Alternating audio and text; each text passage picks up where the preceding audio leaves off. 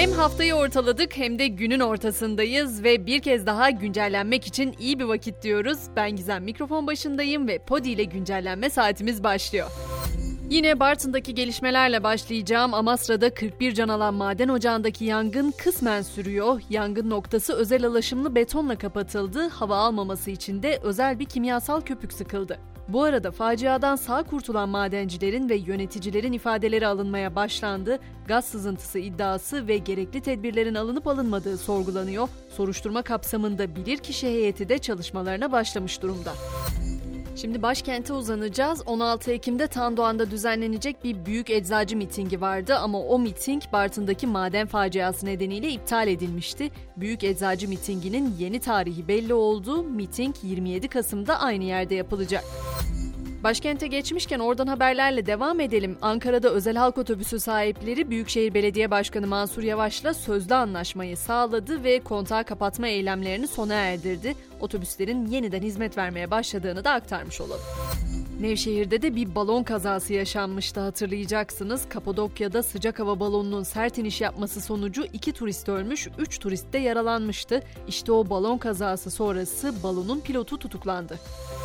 Bu haber ise tüm Türkiye'yi ilgilendiriyor çünkü eski tip sürücü belgelerinin yenilenmesi için tanınan sürenin artık sonuna yaklaşıldı. 31 Aralık'a kadar eski tip ehliyetlerini yenilemeyen vatandaşların sürücü belgeleri geçersiz sayılacak. Peki bu yenileme işlemi için ne yapmamız gerekiyor Gizem bir anlat derseniz hemen özetleyeyim. Nüfus müdürlüğünden randevu almanız gerekiyor ama bu randevudan önce sağlık raporu, biyometrik fotoğraf ve 15 liralık ücretin ödenip belgelerin hazırlanması şart.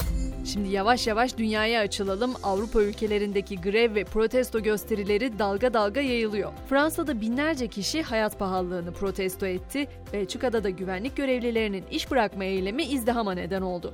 Alman havayolu şirketi Eurowings pilotlarının grevi ise hava ulaşımını sekteye uğrattı. Ülkenin büyük havalimanlarında çok sayıda uçuş iptal edildi. O grev bu gece sona erecek. İngiltere'de ise enflasyon açıklandı ve son 40 yılın zirvesini gördü. Ülkede enflasyon enerji ve gıda fiyatları öncülüğünde yükselişini sürdürerek Eylül'de yıllık %10,1'e yükseldi. Amerika'ya baktığımızda ise Ian kasırgasının yaralarını sarmaya çalışan Florida bu kez et yiyen bakteri kaynaklı hastalıkla boğuşuyor. Eyalette hastalık ve ölüm vakaları katlanarak artıyor. Bakteri çiğ deniz ürünleri yiyen ve sel sularına maruz kalan açık yaraları olan kişilere bulaşıyor. Açık yaraların etrafındaki insan eti tüketen bakteri uzuv kaybı ve ölümle sonuçlanabiliyor. Tam da bu konuyla ilgili yeni bir araştırma var. O araştırma bir sonraki pandeminin buzullardan gelebileceğini gösteriyor. Bir Antarktika gölünde yapılan analiz buzullardaki bakteri ve virüslerin erime sonucu vahşi yaşama bulaşabileceğini ortaya koyuyor.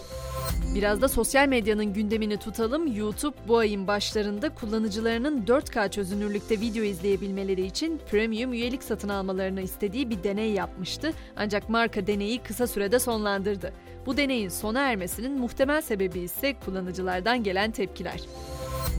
Biraz da filmler ve oyuncular diyarında gezinelim. James Bond karakterine 5. ve son kez hayat vererek ikonik role veda eden İngiliz oyuncu Daniel Craig, İngiliz kraliyeti tarafından onurlandırıldı. Sinema ve tiyatro sektörüne hizmetlerinden dolayı İngiliz oyuncuya Aziz Michel ve Aziz George nişanı takdim edildi. Sessiz sinema döneminin yıldız oyuncularından Anna May Wong'un resmi ise Amerikan parasına basılacak ilk Çin asıllı Hollywood yıldızı olan Wong, Amerikan parasında resmi yer alan ilk Asya asıllı oyuncu olacak.